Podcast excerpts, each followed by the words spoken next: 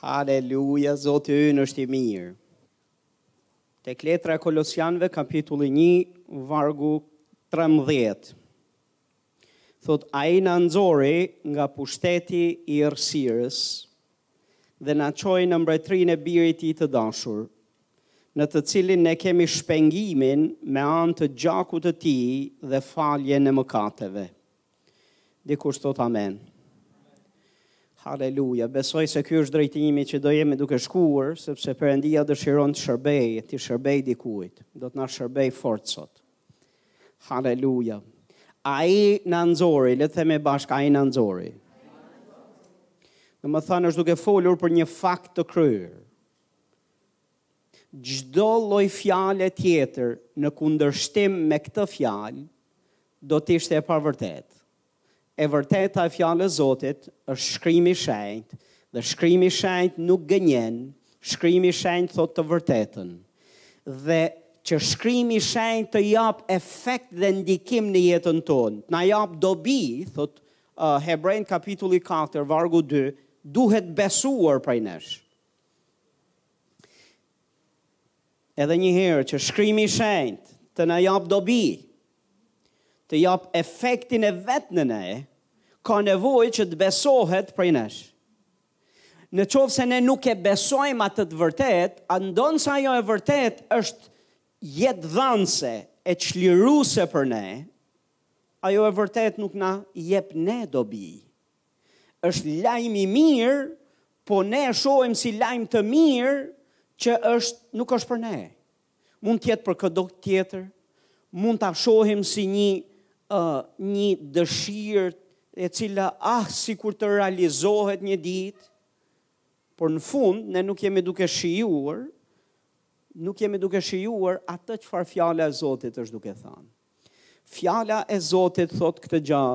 Jezusi vetë thotë për, për të vërtetën. E ju do ta njihni të vërtetën dhe e vërteta do t'ju bëjë të lirë. Tek Gjoni kapitulli uh, 8, vargu 32, besoj. Thotë, ju do ta njihni të vërtetën dhe e vërteta do t'ju bëjë të lirë. Fjala e Zotit është e vërtetë absolute. Nuk është po edhe jo nuk ka hije ndryshimi dhe ndërrimi fjala e Zotit është absolute e vërtetë ajo çfarë ai thotë ai atë nënkupton dhe ajo çfarë ai thotë është e vërteta Perëndia nuk mundet të gënjejë Kjo është, nuk është njeri, thotë shkrimi, që ai të gënjejë. Është një gjë që Perëndia nuk e bën dot. Është të dalë jashtë natyrës vet dhe të gënjejë, të bëjë diçka që është në kundërshtim me fjalët që nxjerr nga goja. Perëndia gjithmonë thotë vërtetën. Fjala e Zotit është frymëzuar nga nga Perëndia dhe është e vërteta. Dhe kjo e vërtetë kur njihet nga ne, Kur ne kemi zbulesë, kur ne e njohim këtë të vërtetë, efekti i kësaj të vërtete kur besohet dhe njihet prej nesh, kur besohet, efekti është se do të na bëjë të lirë. Ai thotë na nxori nga pushteti i errësirës.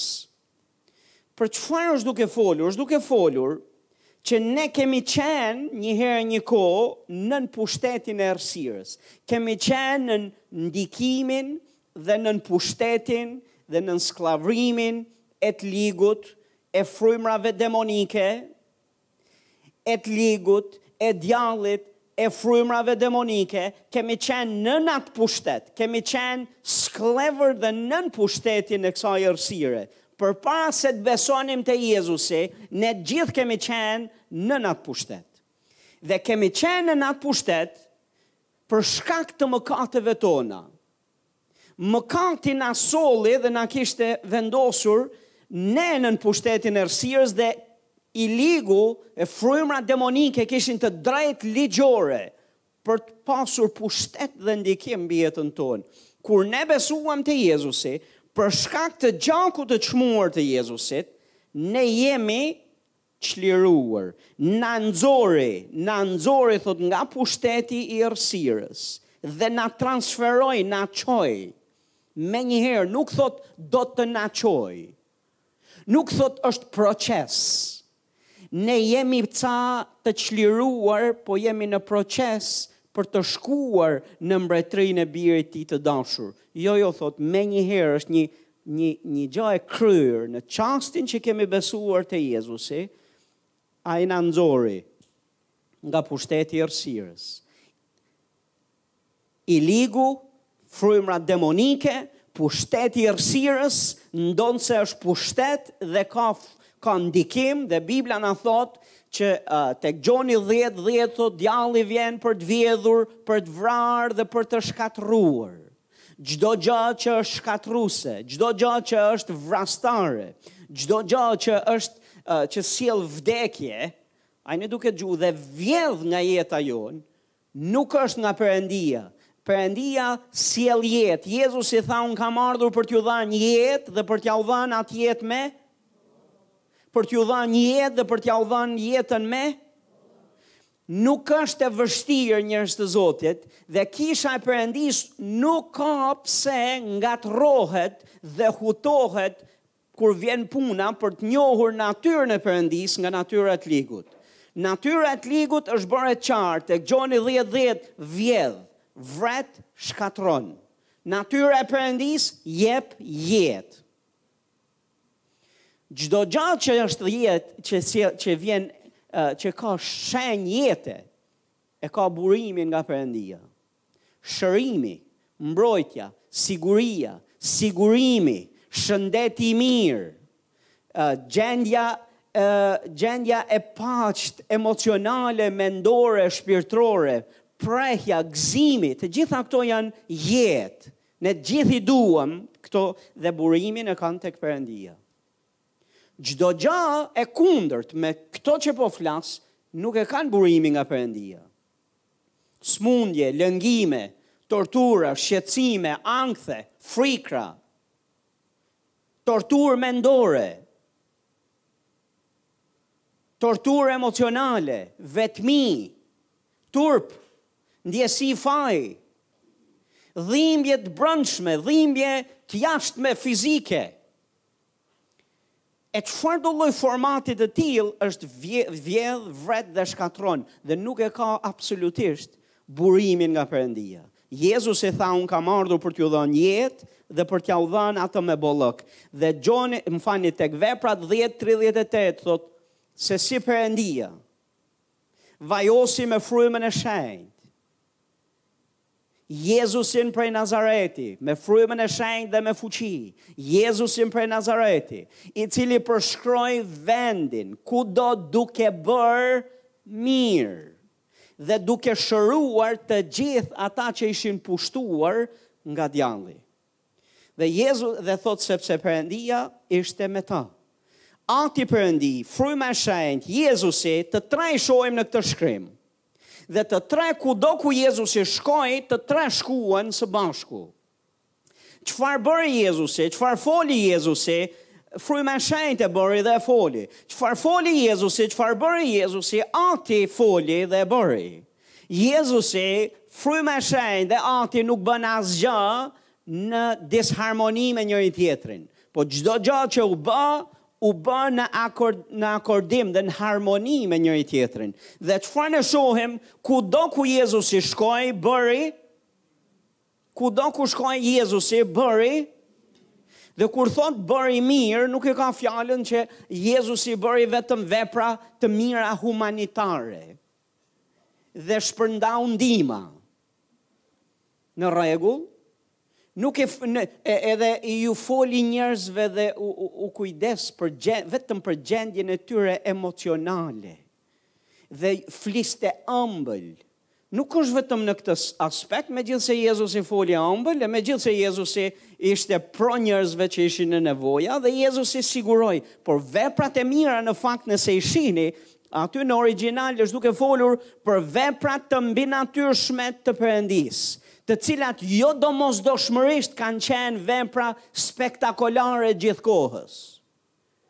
Nuk ishte spektakolare ulja e Jezusit në mal dhe po mësonte fjalën dhe po predikonte fjalën, po ishte vepër e mirë, po bënte mirë, kjo është një vepër e mbinatyrshme.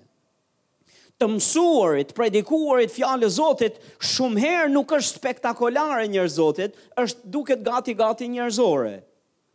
Por është e mbinatyrshme kur ka vajosjen e Frymës Shenjtë brenda dhe kur ka frymëzimin e Frymës Shenjtë. Po Jezusi nuk e la vetëm me të mësuar dhe me të predikuar, domethënë nuk e la vetëm në fjalë, por veprat e mira që Jezusi bëri janë mrekullitë, janë shenjat, janë vepra të mbinatyrshme dhe spektakolare që ndodhën. Ndodhën disa prej tyre në çast, disa prej tyre ndodhën rrugës. Por kudo ku shkoi Jezusi, një gjë e jashtëzakonshme ndodhi. Kudo ku shkoi Jezusi, vepra të mira u bënë. Dhe u bënë këto vepra po me mbështetjen e Atit, po me mbështetjen e Frymës Shenjtë. Dhe specifikon në mënyrë të veçantë mes veprave të mira specifikon në mënyrë të veçantë thotë duke shëruar të gjithë. Le të themi bashkë duke shëruar të gjithë. Duke shëruar të gjithë, jo një pjesë, po duke shëruar të gjithë, jo vetëm disa, por duke shëruar të gjithë. Ata që ishin pushtuar nga Perëndia. Disa prej jush po qeshni. Kështu e thotë Biblia? Ata të cilët ishin pushtuar thotë nga djalli. Që na e tregon se kush nga ku vjen origjina e sëmundjeve. Nga vjen origjina e sëmundjes dhe sëmundja është pushtim demonik, është pushtim djallëzor. Është vepër e keqe, vepër e ligë djallëzore. Ajo mund të jetë sëmundje mendore, mund të jetë sëmundje fizike, mund të jetë sëmundje emocionale, Por në fund është vepër demonike dhe tek e para e Gjonit kapitulli 3 vargu 8 thotë për këtë u shfaq biri i Perëndisë. Për këtë u shfaq biri i Perëndisë që të shkatërrojë veprat e djallit. Domethënë, Jezusi u shfaq me këtë mision. Dhe meqë ra fjala, kudo ku Jezusi shfaqet, është në këtë biznes. të shkatërrojë veprat e të ligut. Kudo ku Jezusi shkon, është në këtë biznes, të bëjë mirë, jo keq, të bëjë mirë dhe të shërojë të gjithë ata që janë pushtuar nga djalli. Dikush thotë, Amen. Tani kthehemi edhe një herë tek vargu që po flisnim tek uh, Kolosianët kapitulli 1 vargu 13. Sepse më rezulton shumë herë që besimtarët nuk njohin, nuk dinë akoma ose nuk e njohin si fakt, ose nuk e kanë këtë njohuri, ose nuk e besojnë këtë që jam duke lexuar tani. Sepse tjetër gjë mendojnë, tjetër gjë mendojnë në zemrën e tyre, tjetër gjë thonë me gojë, tjetër gjë praktikojnë nga kjo çfarë thuhet këtu në këtë shkrim. Ky shkrim thotë këtë gjë, ai na nxori nga pushteti i errësirës. Nëse ti je në Krishtin Jezus, e i ke thënë po Zotit Jezus Krisht, në momentin që i ke thënë po atij, ai të ka nxjerrë, të ka çliruar ty dhunshëm nga duart e të ligut, nga pushteti i errësirës. Ti nuk i përket më djallit, ti nuk i përket më frymërave të mbrapshta, ti nuk i përket më errësirës, Ti ke je transferuar në mbretërinë e birit të tij të dashur. Dhe ky nuk është proces. Shenjtërimi është proces. Çlirimi nga pushteti i errësirës është fakt, nuk është proces. Nuk je çerek i çliruar, çerek i nxjerrë, nëntëdhjetë e nëntë për qind i nxjerrë, je njëqind për qind i çliruar, i nxjerrë nga pushteti i errësirës. I nxjerrë dhe je transferuar në mbretërinë e birit të tij të dashur. Dhe ky është fakt. Ky është fakt njerëz të Zotit. Fakti tjetër që Bibla na flet është që ai jo vetëm na ka nxjerr nga pushteti i errësirës. Ai ne, dëgjo, jo vetëm na ka nxjerr. Edhe na ka çu në mbretërinë e birit të tij të dashur, Por fakt është që ai na ka bërë të ulemi në vende qiellore dhe na ka dhënë ne pushtet mbi errësirën, mbi djallin dhe mbi çdo pushtet të armikut. Luka 10:19 thotë Jezusi ja ju dhashë pushtet që të shkelni mbi akrepa, gjarprinj, mbi dhe mbi çdo pushtet të armikut. Ja u dhashë këtë pushtet. Thotë dhe asgjë nuk do mundet t'ju dëmtojë ju. Dhe kur e fka fjalën që asgjë s'do t'ju dëmtojë, do të thotë që çfarëdo gjëje që të përdorë errësira kundër jetës tënde, nuk do mundet të të dëmtojë. nuk do mundet të të dëmtojë. Pse? Sepse ti je tashmë në Krishtin. Sepse ty të është dhënë pushtet mbi djallin. Deri kur ti ke qenë nën mëkat, kur ti ishe nën mëkat, ti ishe nën pushtetin e errësirës. Dhe ti s'dilje dot që aty, ti nuk çliroheshe dot që aty. Njerëzit e pashpëtuar janë nën pushtetin e errësirës, nuk dalin dot që aty.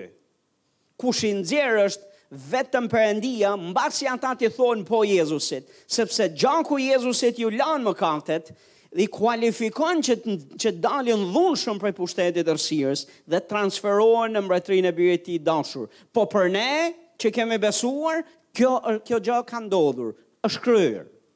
Dhe jo veç kemi dalë, Haleluja! Po ne na është dhënë pushtet tani mbi të ligun. Ne na është dhënë pushtet mbi të ligun.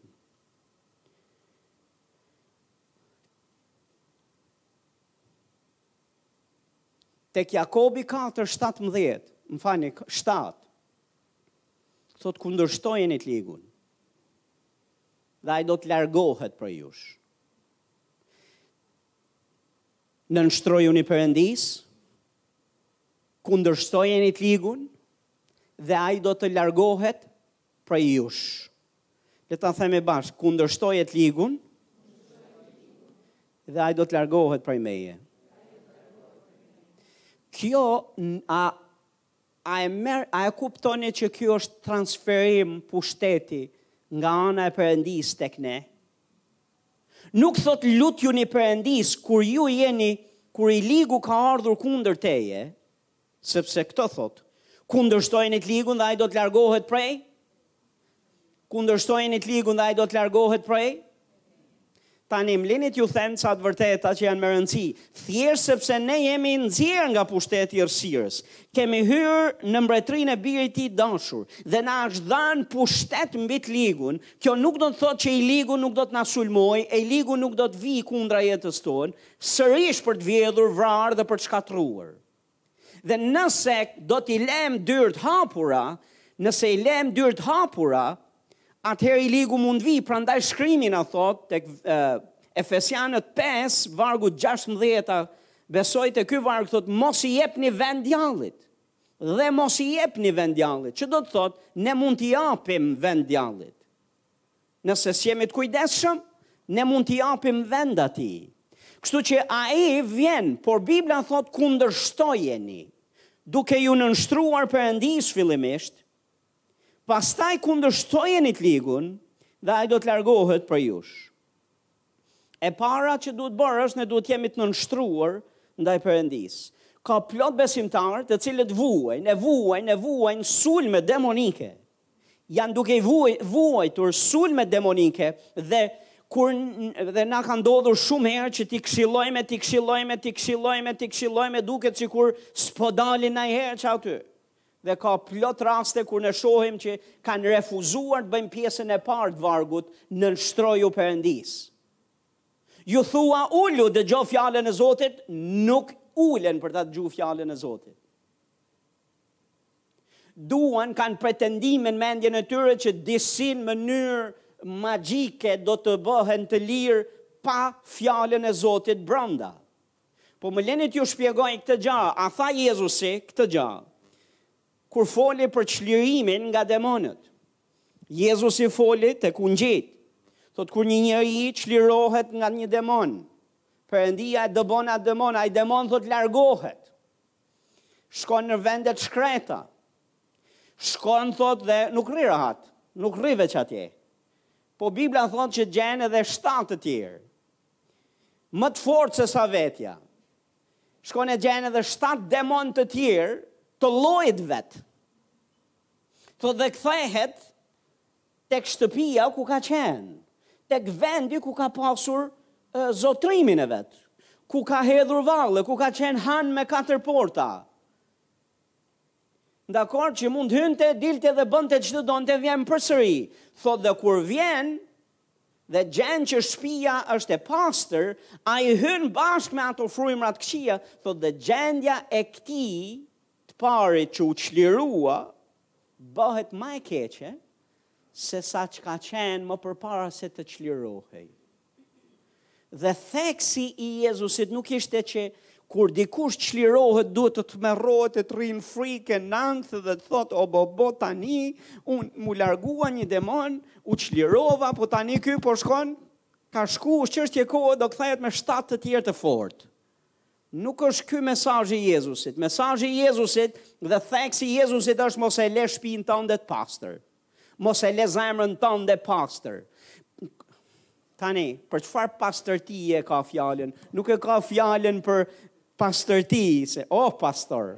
Faleminderit pastor, ti je pastori i i shekullit. Se ke folur që të kemi një zemër të papastër, se Jezusi tha se jo jo, një zemër bosh pa fjalën e Zotit.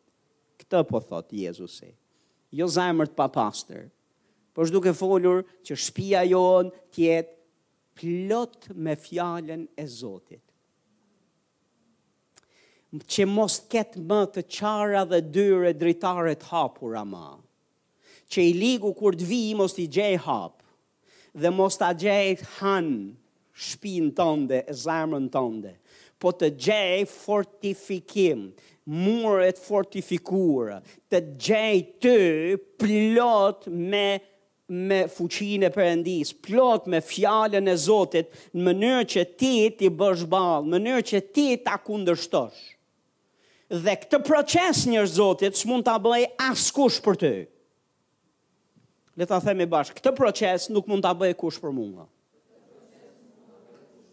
Edhe një herë këtë proces s'mund ta bëjë dikush për mua. Tani më le pak të të mësoj se çfarë nënkuptoj me këtë. Në qoftë se ti je i pahapur, jam duke thënë, pastor, dhe në qoftë se ti nuk e ke vendosë zemrën tënde që edhe nuk e sheh nevojën dhe nuk paguan çmimin që të mbushësh zemrën tënde me fjalën, këtë jam duke thënë, këtë nuk të, nuk mund ta bëjë kush për ty. Nuk jam duke thënë, pastor, që shiko, ti duhet të jesh vetëm Jo, jam duke thënë vetëm që ti të kërkosh, të rrëmosh, ti nuk duhet të rrish pastor me zemrën tënde bosh. Ka libra, ka njerëz të Zotit, ka predikime, ka Bibël që është plot me shkrimin e shenjtë. Sot, lavdi Zotit, ke pastorë, ke shërbyes, ke vëllezër në Zotin, të cilët janë të pjekur e të maturuar, ti duhet të ulesh me ta, të rrish dhe të dëgjosh. Dhe t'i lësh të flasin në jetën tënde. Përveç kohës tënde personale, ti nuk duhet të pushosh së mbushuri zemrën tënde plot, shpinë tënde plot. Haleluja. Dhe, pastor, t'ia nënshtrosh veten asaj fjale që dëgjon. T'ia nënshtrosh veten, se duke e nënshtruar veten fjalës, ti po ia nënshtron veten Perëndisë. Dhe kur i ligu do të vijë, ti mund ta kundërshtosh pastaj dhe ai të largohet prej teje. A jeni këtu? Perëndia na ka nxjerr ne nga pushteti i errësirës. Na ka nxjerr nga pushteti i errësirës, na ka na ka sjell në mbretërinë e birit të tij të dashur. Ky është fakt. Në qoftë se ti më thua mua pastor që mu, unë jam nën pushtetin e errësirës, dhe thua edhe je i bindur dhe fillon dhe kërkon lutje dhe fillon edhe me, me edhe shpall me gojën tënde dhe proklamon me njerëzit edhe me veten, më le të them një gjë je duke thënë që je i pashpëtuar pastor këtë je duke thënë me gojën tënde kaq marrëzi është ajo që që jam duke dëgju Në qoftë se ti thua që je nën pushtetin e errësirës, demoni dhe i ligu ka pushtet mbi ty. E ti disi ke nevojë për çlirim, e disi ke nevojë që të dalësh që këtej. Pastor, ti nuk njeh shkrimin. Ti nuk e kup, ti nuk e di të drejtat që Zoti të ka dhënë. Ti je nxjerr nga pushteti i errësirës. Ti ke dalë që aty. Je çliruar dhe jo veç aq Perëndia të ka dhënë ty pushtet mbi të ligun. I ligu tmerrohet prej teje. I ligu ka frikë prej teje. Kurti nuk ka frikë prej dikujt që s'njeh autoritetin që Zoti e ka dhënë, po dikush që e njeh autoritetin që Zoti e ka dhënë, i ligu tmerrohet. Dikush thotë amen. Ti je çliruar, ti ke dalë nga pushteti i errësirës, ti je nën pushtetin e Zotit. Ti je në mbretërinë e birit të tij dashur. Ti je ulur në vendet qiellore, mbi çdo principatë, pushtet, fuqi, zotrim, emër që përmendet në këtë epokë dhe në atë që vjen. Ti je ulur thashë në vendet që ti je në Krishtin Jezus. Ti je në të, ti nuk je vetëm. Ti je në Krishtin dhe të njëjtin pushtet dhe të njëjtën të drejtë dhe autoritet që ka ai mbi principatat, pushtetet dhe fuqitë demonike, ti e ke. Dhe i ka vendosur thotë si poshtë këmbëve tona, poshtë këmbëve të trupit, poshtë këmbëve të kishës, Poshtë këmbëve tona që do të thotë është nën autoritetin tonë dhe këto i gjeni tek Efesianët kapitulli një te vargjet tetëmbëdhjetë e poshtë deri tek vargu njëzet e dy Pali lutet që ne të marrim zbulesën e frymës shenjtë që ne të kuptojmë se ç'na ka ndodhur njerëz Zotit kur kemi ardhur në Krishtin ç'a ka ndodhur me ne ne jemi në Krishtin tani Dhe ne jemi në të, atë kemi veshur, në atë jemi të fshehur, bashkë me të jemi ulur në vendet qiellore. Dhe ne na është dhënë pushtet mbi të ligun. I ligu nuk ka pushtet mbi ne. Po i ligu mund të marrë pushtet nëse ia jep ti me injorancën tënde. Nëse ia jap unë me injorancën time, nëse ia jep ti dhe unë me të folurën e gabuar, me mënyrën e gabuar të të menduarit, kjo është një derë e madhe, gjigande e hapur, që i ligu mund të vjedhë, vrasë dhe të shkatërrojë dhe ti nuk ke pikë rezistence. Pse? Sepse ti disi je gënjyer në mendjen tënde dhe ke besuar një gjë Që nuk është e vërtetë. Ke dalë jashtë shkrimit dhe ke besuar gjëra të pavërteta për ty. I ligu nuk mund të prek asnjë fije floku të jetës tënde, sepse nuk është pronë e tij. Ti je pronë e Zotit. Ti je tempull i Frymës së Shenjtë. Ti je fëmija i Perëndisë. Ti je në mbretërinë e Birit të Tij të dashur. Ti je blerë me gjakun e çmuar të Zotit Jezus dhe i ligu nuk ka të drejtë të prekë asnjë fije floku të jetës tënde. Jeni duke më parë me habi. Haleluja, meqë ra fjala, jeni pjesë e kësaj kishe, Gjithashtu më lini t'ju them që ai s'ka pikë të drejte të prekë as jetën tuaj, qoftë dhe sikur të jeni në mëkat. U, pastor, çfarë the? Pastor, më le ta, ta qartësoj. Jo pastor.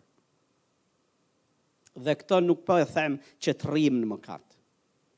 Nuk po e them që ne të praktikojmë mëkatin dhe jo, jo, jo, jam duke e thënë për një arsye, sepse dua të nxis besim në ty, besim në Zotin. Te Korintasit Bibla na flet për një rast, që është rast unik, Na flet uh, për një, një burrë i cili flinte me njerkën uh, me njerkën e vet, që do të thotë me gruan e, bur, e, bab, e babait vet. Dhe kur flasim flinte, e kuptoni se ça jemi duke fol. Nuk po themi se flinte në një shpi, Po jemi e kuptoni se për ça bëhet fjalë. Dhe kjo ishte një vepër e pamoralshme, e gjithë kisha e dinte. Gjithë njerëzit e dinin që kjo gjëja këtu ishte duke ndodhur. Dhe nuk ishin marrë aspak me këtë situatë. Dhe Bibla na thotë që i erdhi fjala Apostullit Pal, Apostulli Pal është apostulli i kësaj kishe, themeluesi i kësaj kishe, ishte ai që e kishte nisur këtë kishë me drejtimin e frymës së shenjtë. Dhe çfarë ndodh kur kur apostulli Pal e dëgjoi këtë gjë, dërgoi një letër qortuese të fortë për kishën. Se si kisha duhet të sillej në raste të tilla, jo të bënte sikur, domethënë jo ta merrte, ta toleronte një sjellje të tillë, por përkundrazi, duhet të kishte pendesë, duhet të kishte qëndresë, duhet të pastroheshin, edhe jo vetëm aq, por duhet ta nxirrnin nga mesi i tyre atë individ. Për ta ndëshkuar për veprimet e veta. që nuk ka frikën e Zotit, por kryen një akt të kësaj natyre që është kaq poshtrues dhe pengues edhe për punën e Zotit në atë vend. Dhe Bibla na thotë që Pali thotë një gjë, thotë, unë ia dorëzova Satanit këtë njeri për prishjen e mishit. që disi në një farë mënyre t'i fitohet shpirti. A e keni dëgjuar, e keni parë këtë varg në Bibël, apo jo? Po më lini meqë jeni duke më parë kështu, më lini ta gjej. Te një Korintasit 5. E një Korintasit 5. Në rregull, një Korintasit 5, të shikoj, janë 13 vargje. Cili nga këto? Vargu 5 po shkojmë. Pse po themi vargun 4, në emër të Zotit tonë Jezus Krishtut, mbasi të mblidheni ju bashkë me frymën time, që do të thotë Pali nuk ishte prezent aty. Pali ishte komplet në një vend tjetër, s'ishte në kishë. Po tha, kur ju të mblidheni aty, në frymë, fryma ime do të jetë me ju. Do mblidhemi ju bashkë me frymën time. Në emrin e Jezusit thotë, ju bashkë me frymën time, me fuqinë e Zotit tonë Jezus Krisht, vendosa, është vendim. Kush e vendosi? Pali apo jo? Pra është vendim i kujt? I Palit. Vendosa thotë që t'i dorëzohet ky njeri në dorë të satanit për prishjen e mishit që t'i shpëtohet fryma në ditën e Zotit Jezus. Wow. Po pse vendos ti a, a mos je vonë Pal? Më duket se, Pal, nuk e kupton nuk i kupton të vërtetat biblike. Nuk je duke kuptuar se si funksionon kjo punë, se Bibla thotë që paga e mëkatit është vdekja, ky njeri tashmë ka mëkatuar dhe për shkak të mëkatit të tij, a nuk ia ka hap derën të ligut? A nuk është në dorën e tij? Po ai I ligu kishte një farë aksesi në jetën e vet, por jo i dorëzuar.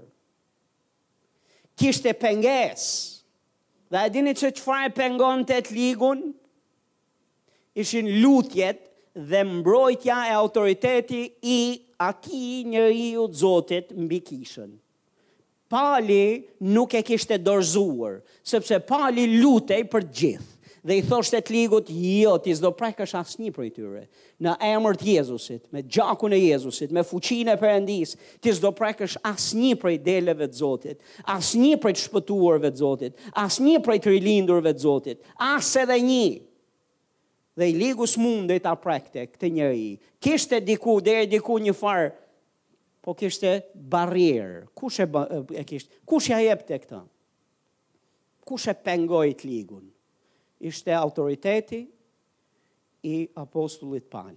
Po momentin që apostulli Paul tha, unë e dorëzoj dhe unë besoj që kur flasim për këtë dorëzim, është duke thënë këtë gjë, që ndaloj së luturi për to. E, njerëz të Zotit, nuk është pak. Të ndalojë autoriteti që është mbi ty, i dhënë nga Zoti, së luturi, kjo është të ushtruari, autoritetin që Zoti ka dhënë, është gjë e madhe.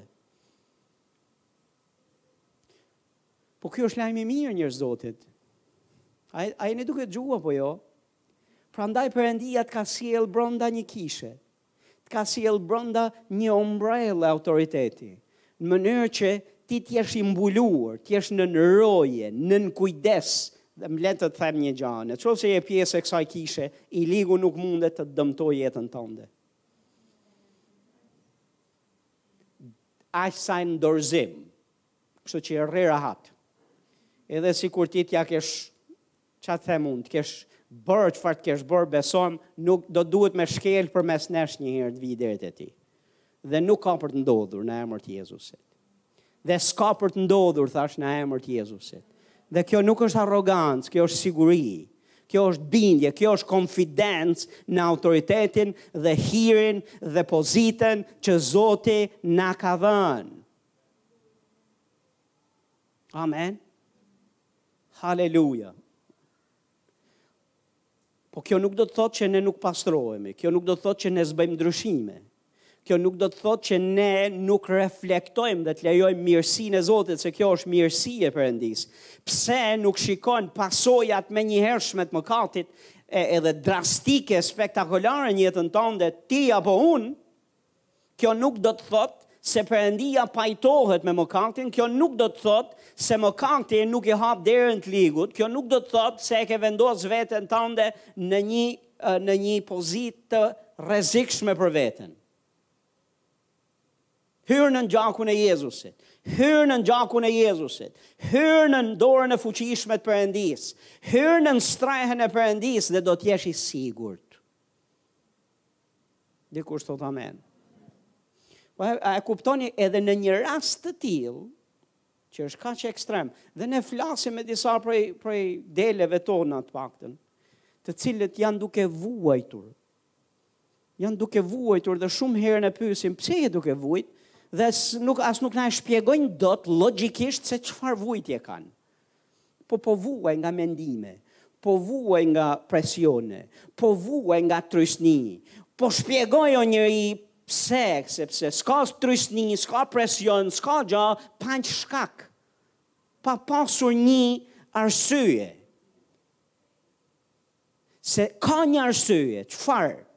Mund të jetë një gënjeshtër, mund të jetë një një një uh, një gjë të cilën ti je duke besuar që është gabim.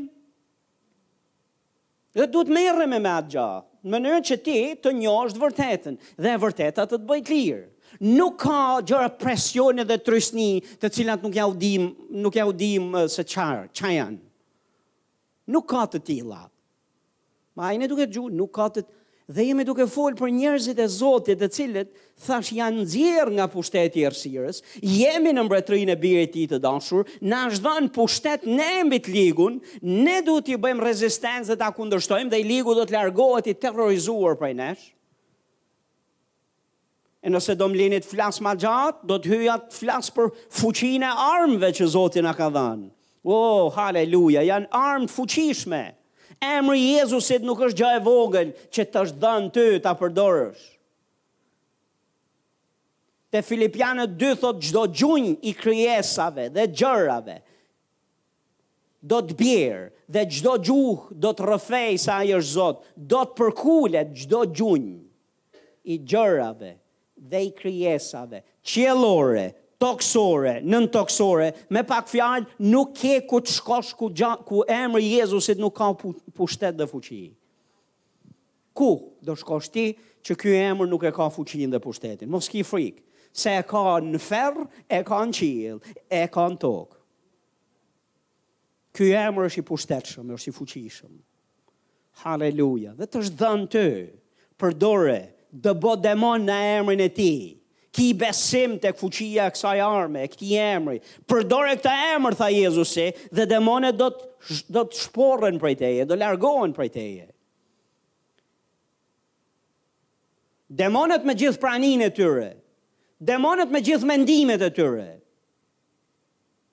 Demonet me gjithë presionet dhe trysnitë e tyre, s'ka si fuqia dhe pushteti i emrit Jezus dhe ky emër t'është dhënë ty, fëmijë i Zotit. Përdore pra. Jo pastor, po duhet që ta përdor dikush tjetër për mua. Ky është problemi yt. Ky është problemi yt. Do që tjerët ta përdorin, do që tjerët të mbushen me fjalën e Zotit, do që tjerët të bëjnë, ë, uh, domethënë, të ulen dhe të lexojnë dhe të njohin të drejtat që kanë dhe t'i ushtrojnë këto të drejta.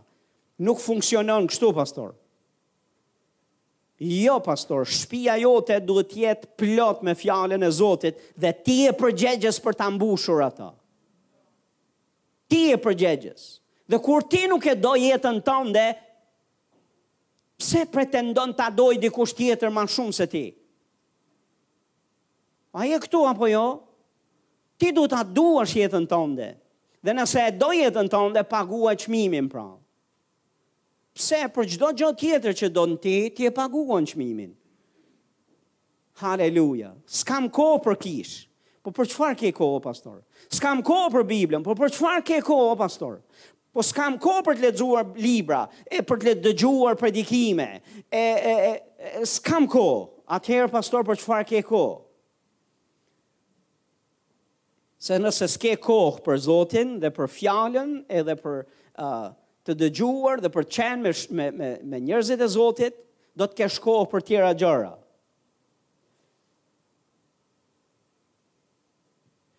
Dhe në qofë se rri në atmosferën e gabuar, dëgjon gjërat e gabuara, pse habitesh për frutin e gabuar, frutin e padëshiruar. E di, njerëz të Zotit, në qofë se Haleluja. Zoti na ka dhënë logjikë apo jo? Keni vënë re, keni ngrënë naj herë naj, naj mollë, naj frut, i cili është i kalbur dhe nuk nuk e dallon, po sa ta sa ta dallojn shija, shijet tua. Shija jote, shqisat tua, sa të fillojnë me vu në punë dhe ti vazhdon ta hash atë mollë? Në qoftë se vazhdon ta hash pastor ke ke ca probleme me vidat këtu lart. Ke probleme të thella me sensorët që janë dëmtu shumë, rënd.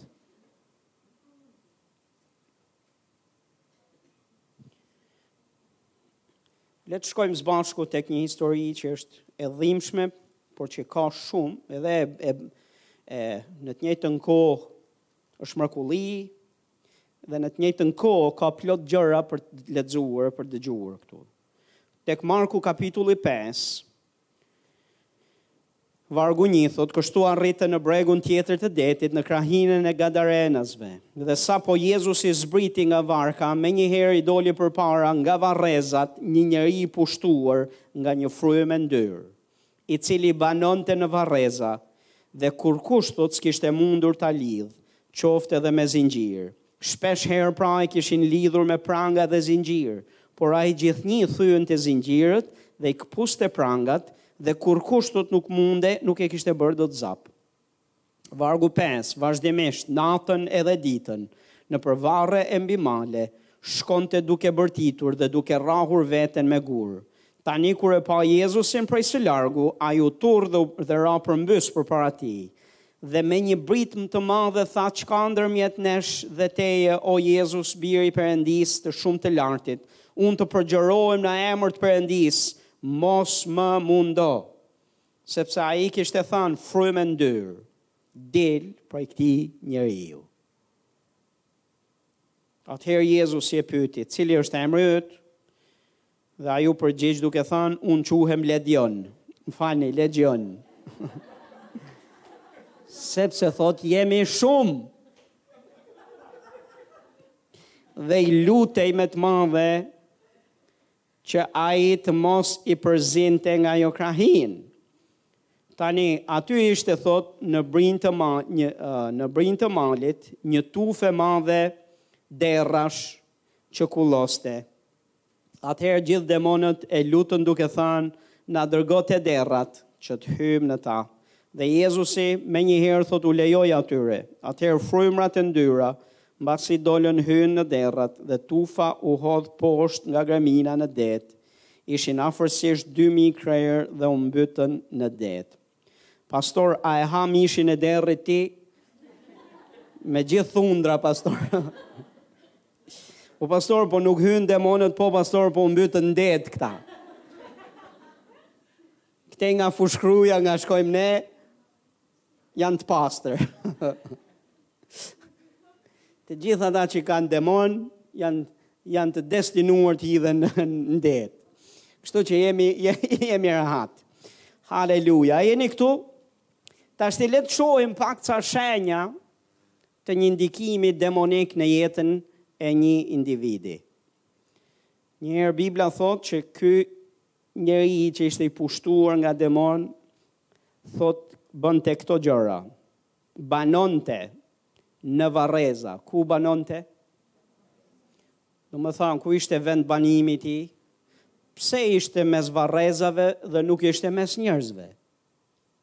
Çfarë kishte mes varrezave që ishte kaq tërheqëse dhe kaq e këndshme dhe kaq uh, vend për të kaluar kohën, pse varrezat dhe pse jo mes njerëzve? Pse jo mes të gjallëve? Pse? Sepse është frymë, janë frymëra vdekje, frymëra, frymëra demonike. Dhe në qoftë se, domethënë, qëllimi i këtyre frymërave është vazhdimisht që të shkojë drejt, të ço, t'i çojë njerëzit drejt varrezave, po themi një herë. Pse pastor drejt varrezave? Sepse, pastor, me lini t'ju them një gja, Jezusi, thotë tek Hebrenjtë, thotë e shkatërroi atë që kishte pushtetin e vdekjes, domethënë djallin. Në mënyrë që, thotë te vargu katërmbëdhjetë e poshtë, thotë, dhe kur e bëri këtë, e bëri me anë të vdekjes tij. Jezusi vdiq në kryq, dhe me anë të vdekjes tij shkatërroi djallin dhe, dhe që kishte pushtetin e vdekjes. E shkatërroi, në mënyrë që thotë të gjithë ata që ishin nënshtruar të mos jenë më të nënshtruar ndaj frikës së vdekjes, por të jenë të lirë. Jezusi e pagoi çmimin, shkatërroi djallin, shkatërroi e, e shkatërroi atë që kishte pushtetin e vdekjes për çfarë arsye? Në mënyrë që njeriu të ishte i lirë nga frika e kujt? Nga frika e vdekjes. Nga frika e, e autorit vdekjes, dhe nga frika e vdekjes, nga frika e autorit vdekjes dhe nga, fri, nga frika e vdekjes. Është anormale që fmijtë e Zotit të kenë frikë nga djalli dhe të kenë frikë nga vdekja. Ne jemi bërë të lirë përmes Zotit Jezus Krisht. Oh, haleluja! Ka një kohë kur do të vdes, kur dojë Perëndia. At, dhe kur unë do të them që Perëndi, kur unë të jem i bindur, që Perëndia im më do që të shkoj në qiell.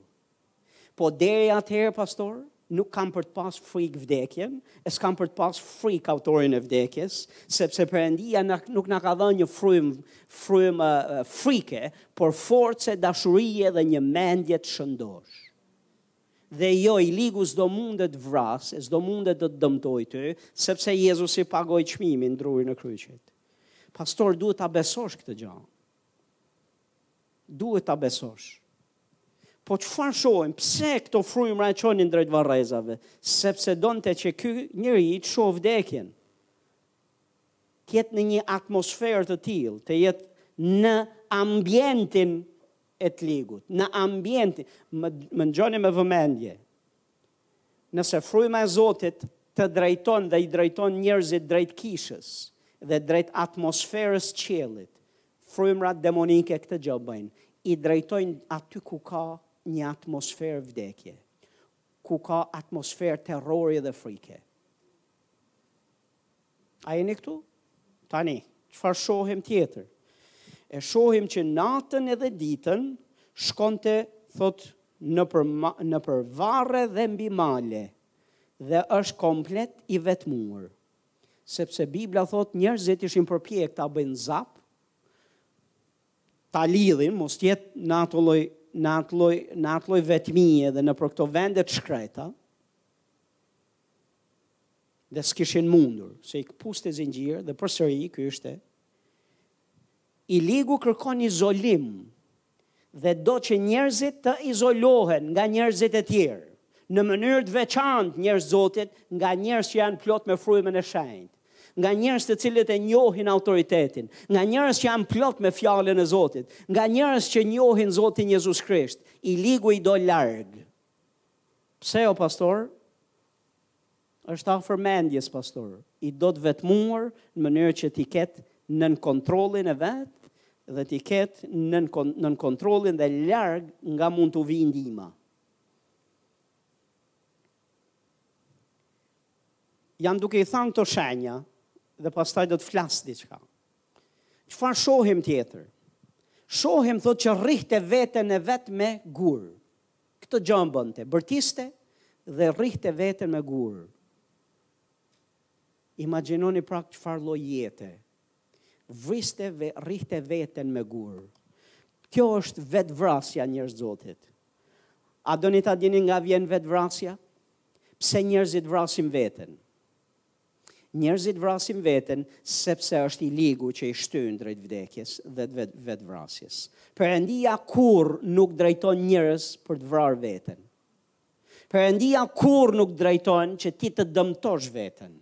Dhe meqë ra fjala, kur bëhet fjalë për vetëvrasje, nuk jam duke folur vetëm për aktin përfundimtar ku hidhen njerëzit nga ballkonet, ku njerëzit pinë pinë helme, ku njerëzit presin damar, ku njerëzit bëjnë marrëzirat, kësa, nuk jam duke folë veç për ato raste.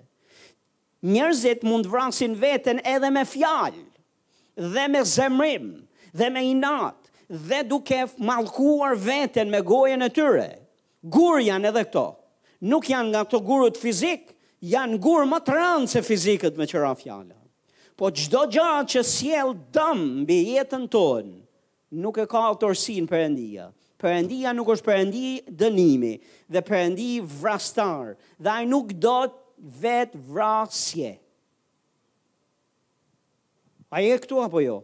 Dhe jo vetëm akti përfundimtar, ka plot njerëz të cilët nuk e kryen këtë aktin përfundimtar, po kjo nuk do të thotë që nuk janë duke vrarë veten gjatë gjithë kohës. E fatkeqësisht do doja të thoja që janë jashtë kishës. Po nuk janë jashtë kishës, janë brenda kishës.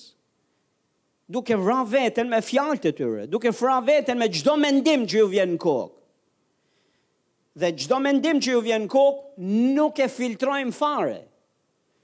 nuk e filtrojmë fare, po menjëherë veprojmë dhe nuk ndalojmë njëherë të themi, po ky mendim nga e ka origjinën, po ky mendim a është i Perëndisë, a është mendim që i pëlqen Perëndisë, po nuk ndalojmë fare që të bëjmë një analizë, dhe të filtrojmë dhe të kundërshtojmë mendimet që s'janë nga Perëndia, po i lëmë ashtu siç na vijnë, i besojmë dhe fillojmë dhe i japim dhe za. Dhe i flasim, dhe ky, në këtë mënyrë i japim pushtet të ligut, për të na dëmtuar.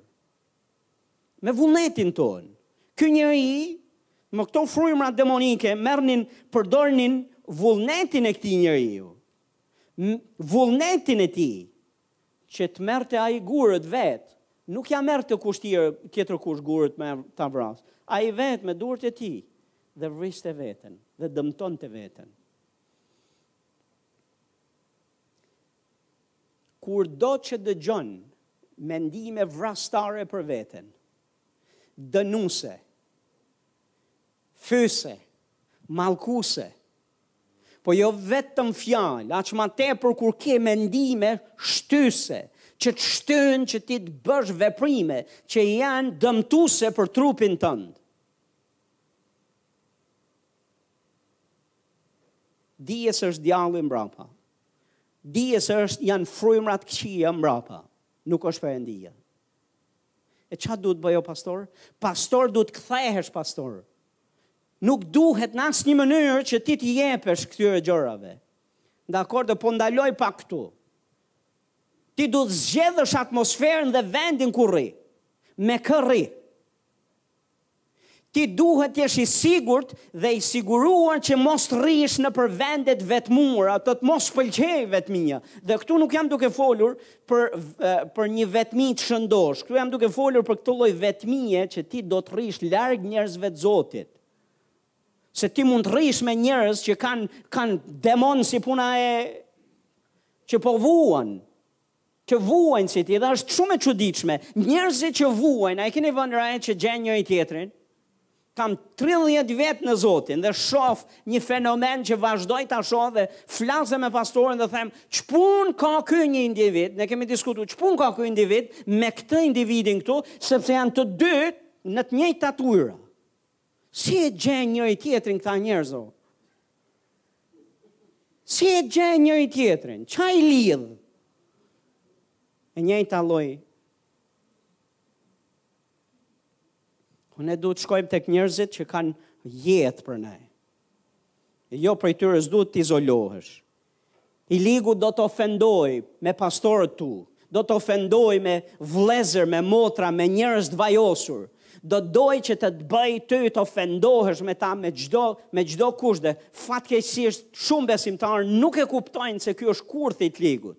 Pse? Sepse po përpiqet të të ndërpresë, të të ndajë nga mbrojtja jote, nga kujdesi për ty. Refuzo ta bësh këtë gjë o pastor, kurrë mos u ofendo. Mos refuzo çfarëdo që të ndodhë. Dhe ka dhe njerëzit mund të gabojnë, dhe njerëzit dhe mund të të dëmtojnë pa dashje. Shumicën e kohës shpresojmë paktën. Me mend në kokë, nuk duhet të të dëmtojnë, po ja që mund të ndodhë. Fal. Dhe mos u mos u ofendo. Dhe mos u largo. Mos u largo, pastor. Mos u shkëput, pse sepse kjo është ajo çfarë i ligu dëshiron të bëjë të të izolojë, të të çojë nëpër vende të vetmuara, të të çojë nëpër ambiente ku mbretëron vdekja, nëpër ambiente ku ai kontrollon. S'e ka problem, edhe mund të mos jenë varreza, po mund të jenë, më lini t'jua them, Mund të jetë një pub që ka gëzim dhe harmoni dhe ka lumturi. Po mund të jetë një vend ku ti zbavitesh në mishin tënd. O, më falë që do them edhe një gjë tjetër që ndoshta mund të jetë pak më me peshë. Uh, mund të të çojë në një kishë të vdekur, pastor? Nuk e ka problem. Shk të shkosh. Pik problemi s'e ka. Madje do të donte të shkoje në, për një, në një kishë që nuk mësojnë të vërtetën, që nuk mësojnë fjalën e Zotit dhe që nuk janë duke operuar në fuqinë e Zotit. Nuk e ka problem. Kudo ku ka vende të vdekura të tila, nuk e ka pikë problemi.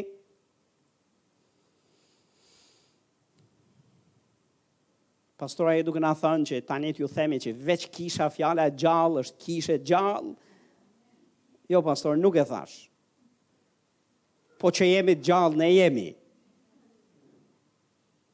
Tashti për të tjerat, se, secili dhe secila le të dallojë vetë dhe të kërkojë Zotin. Haleluja. Po këto janë, janë, janë, kjo, po më le të ta shpjegoj këtë gjënë këtu. Se ti si njeri i Zotit, kene, jam duke folë në këndvështrimin e njerëzve të Zotit, të shtyrë nga i ligu. Nën trysni dhe nën presion. Ti duhet ta dish që i ligu nuk prek dot asnjë fije floku të jetës tënde.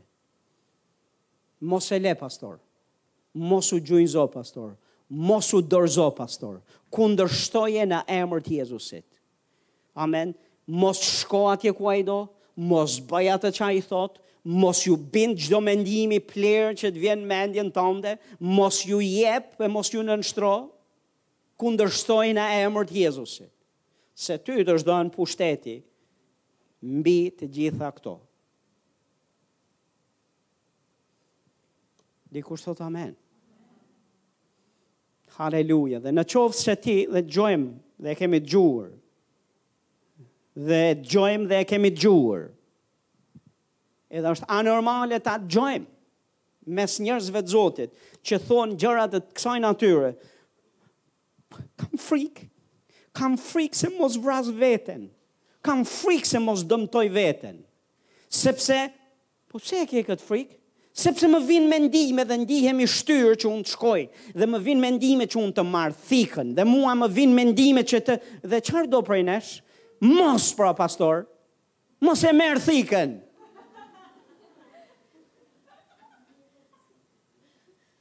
Po më erdh ky mendimi dhe unë kam frikë. Çfarë ke frikë? Se nuk ka djall në ferr që mund të uzurpojë vullnetin tand pa dashjen tande. I ligu nuk të hedh dot nga ballkoni, i ligu nuk merr dot thikën të të vrasë ty, i ligu nuk mund të bëjë dot absolutisht asgja, por të shtyn ty ta bësh. Po ça të bëj unë a? Mos e bëj o pastor. E thjeshtë. Mos e bëj. Dhe nëse i ligu nuk po të ishte në dorën e të ligut, a s'ke menduar pak. Sepse është për turpin e kishës nga një herë. A s'ke menduar pak, nëse i ka dikënd në pushtetin e vet, janë njerëzit e botës që janë pa Zot. Si ka mundësi që nuk i vret ata, që ata nuk hidhen nga balkoni gjithë.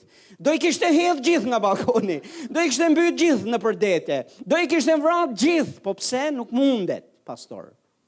Nuk mundet. Dhe s'e, nëse s'e bën dot për ata, Po për ty, që je i çliruar, që je i Perëndisë, që je i mbuluar me gjakun e Jezusit, që të është dhënë pushtet mbi të ligun, po mbi ty, pastor. Po merr një mendim, po punë e madhe mor pastor se të erdh ai mendim.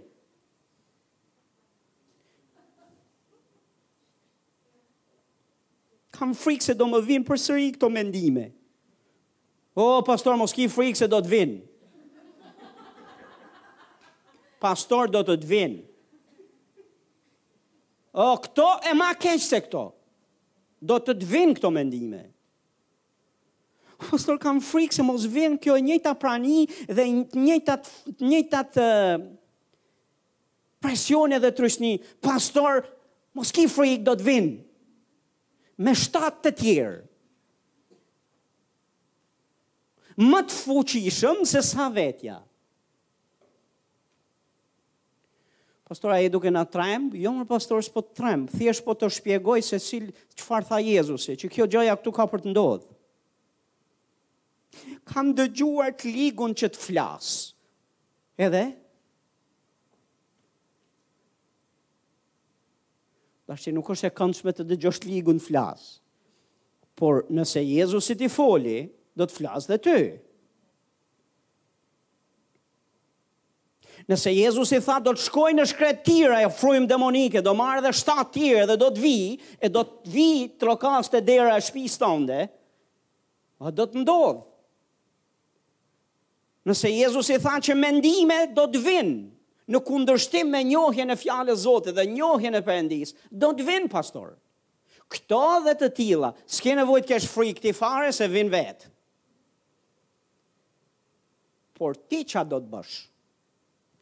Ti, ti do e dish këtë gjë, që jo të vijë ai bashkë me shtatë të tjerë të fortë, por të vijë bashkë me gjithë ferrin, a nuk ka ardh, Bibla thotë, portat e ferrit nuk do të triumfojnë dot mbi kishën e Zotit, dhe unë jam kisha e Zotit. Unë jam fmija e Perëndisë, dhe besimi im është tek fjala e Zotit, që portat e ferrit nuk do mund triumfojnë dot mbi mua. E, kur të vijnë në një rrugë, do të largohen në shtatë. Se këtë më thotë Bibla mua. Po nga e di ti o, pastor, se thotë Bibla, e kam lexu, pastor. Besomë, nuk ka ardhur mbi mua momentin që u bëra pastor, a sikur t'jem edhe unë pastor, do më vijnë dhe mua këto mendime. Nuk vijnë pastor, po nuk i fute këtu. Po nuk i fute këtu, që do të thotë po s'e hape këtë libër, të meditosh dhe të mbushesh me këtë fjalë, a je pastor, a je traktor, nuk ka rëndësi, nuk vjen. Besimi vjen nga dëgjimi dhe dëgjimi i fjalës Zotit për pastor dhe me radhë dhe për të gjithë njësoj. Po duhet të jetë aty. E do vijë i ligu dhe, dhe do flasë i ligu, e do flas edhe unë. Po do flasë ai, po do flas dhe unë. Ka qenë një kohë kur e kisha problem që më fliste ai. Tani nuk e kam pik problemi. Dhe shumicën e kohës njerëz të Zotit, kur ai flet, unë as nuk ia varë fare shqip-shqip. Dakord, nuk merrem me ta. Pse, sepse flet do vëmendje, nuk kam kohë për t'i dhënë vëmendje. Pastor, nuk kam kohë m'u marr me plehrat e tij. Dhe vazhdoj rrugën, sepse e di që po kërkon vëmë. Dhe nëse më bezdis, sepse është bezdisës. Dakord, është bezdisës. Nëse më bezdis, pastor, ça bën ti në raste të tilla, kthehem dhe them, shporru në emrin të Jezusit, hesht në emrin Jezus.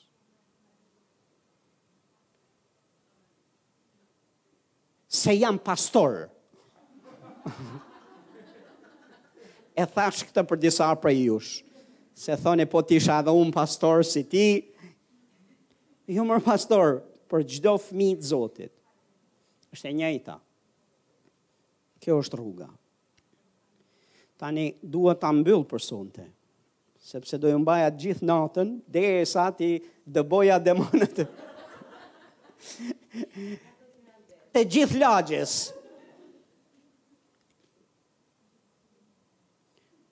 Po fëmijë i Zotit, Ti të mendosh se je i lidhur dhe je nën pushtetin e errësirës dhe se i ligu disi ka kontroll dhe pushtet mbi ty, prandaj kjo është e gabuar. Të lutem minimumi mos ia thuaj pastorit më. Që mos a, a jeni duke e kuptuar? Se po ma thatë nuk e di se çfarë do të prisni mbrapa. Dhe ka plot raste kur pastorja, pastorja juaj thot uh, ka qenë kemi pas sa diskutime të forta shumë herë, ka qenë në sfida fizike apo frymore dhe ka parë një burrë pak të zemruar dhe që s'pyt për emocione dhe ndjenja. Në fillimet në fillime e kishte pak problem. E, e më duhej t'i shpjegoja: zemër, nuk e kam me ty. Zemër, për ty kam emocione pa fund. Haleluja. Pes fëmijë janë pak. po me të ligun që guxon të të prekë, dhe guxon nuk, dhe nuk ka kohë për emocione dhe ndjenja. Po ka nevojë për qenë i dhunshëm në Zotin. Kur dikush do të të prek jetën tënde, nuk është koha për të thënë për t'u bërë qull. Po është koha për t'u bërë burrë. Dhe është koha për të thënë mjaft është mjaft. Në emër të Zotit Jezus. Dhe të përdorim atë autoritet që Zoti na ka dhënë. Nuk është normale që të mendosh se i ligu t'ka nën kontroll ty. Dhe për sa kohë beson këtë gjë i ligu do t'të ketë nën kontroll ty, se beson gjënë e gabuar. Dhe nëse e beson këtë, pastor, më lini ta sqaroj edhe këtë gjë se ka shumë rëndësi. Është mëkati, pastor. Ka dobësi në jetën time. Duhet ta kem lënë me siguri kam lënë këtë derën, atë derën, atë dritaren, atë tavanin, atë dyshemen. A keni vënë re që njerëzit që vuajnë kështu Gjithmonë e thonë, ku duhet ta kem lënë, ku duhet ta kem lënë, ku duhet ta... Mund të mos e kesh lënë askund. Një herë pikë s'pari i ke të mbyllura, se t'i mbyllim ne me lutjet tona, rri rehat. Por, nëse ka mëkat në jetën tënde, fryma e shenjtë është i pari që do të të bindë. për mëkat. Dhe nëse fryma e Zotit është duke të fol, do të të bind specifikisht ku e ke problemin. Do të tregojë cila është dritarja. Po në qoftë se ti je që nuk e di se nga është dritarja dhe nga është, dhe, dhe po, po ti e, e vese e di që je këtu në këtë gjendje dhe nuk e di se pse, dije që nuk është Zoti. Dije që nuk është fryma e shenjtë. Dije që i ligu po përpiqet të mbajë në konfuzion, në hutim dhe gjithmonë do të të çojë në këtë pikën ku ti nuk e di se çfarë. Po duhet të jetë një gabim i yti, patjetër diku i pafalshëm mundësisht. I pafalshëm nga Zoti. As ti s'e di, kur pyet Zotin, Zoti s'të flet, do thua e kam pyet, po s'më ka thënë gjë. Gjasat janë që s'ke. Po ke besu një gënjeshtër të madhe dhe je nënshtru. Dhe më lër të them, gjaku i çmuar i Jezusit edhe po t'jesh në mëkat, pastor. Perëndia e bëri t'lirë atë burrë që ju fola te Korintasit, e çliroi kur u pendua. Dhe hyri përsëri u restaurua kishës dhe hyri nën ombrellën e mbrojtjen e Zotit dhe i ligu s'mundi ta dëmtojë dhe prekë ma. A jeni këtu? Meqë ra fjala, Pali, kur i dha, i, ia dorëzoi satanit atë njeri, i tha, ia dorëzoi veç me kusht. Mund ta shtrëngojë mishin, mund të prishë, prekë mishin e tij, frymën, jo, dhe e këtu. Oh, haleluj, dhe e këtu. Dhe kjo ishte për të mirën e tij.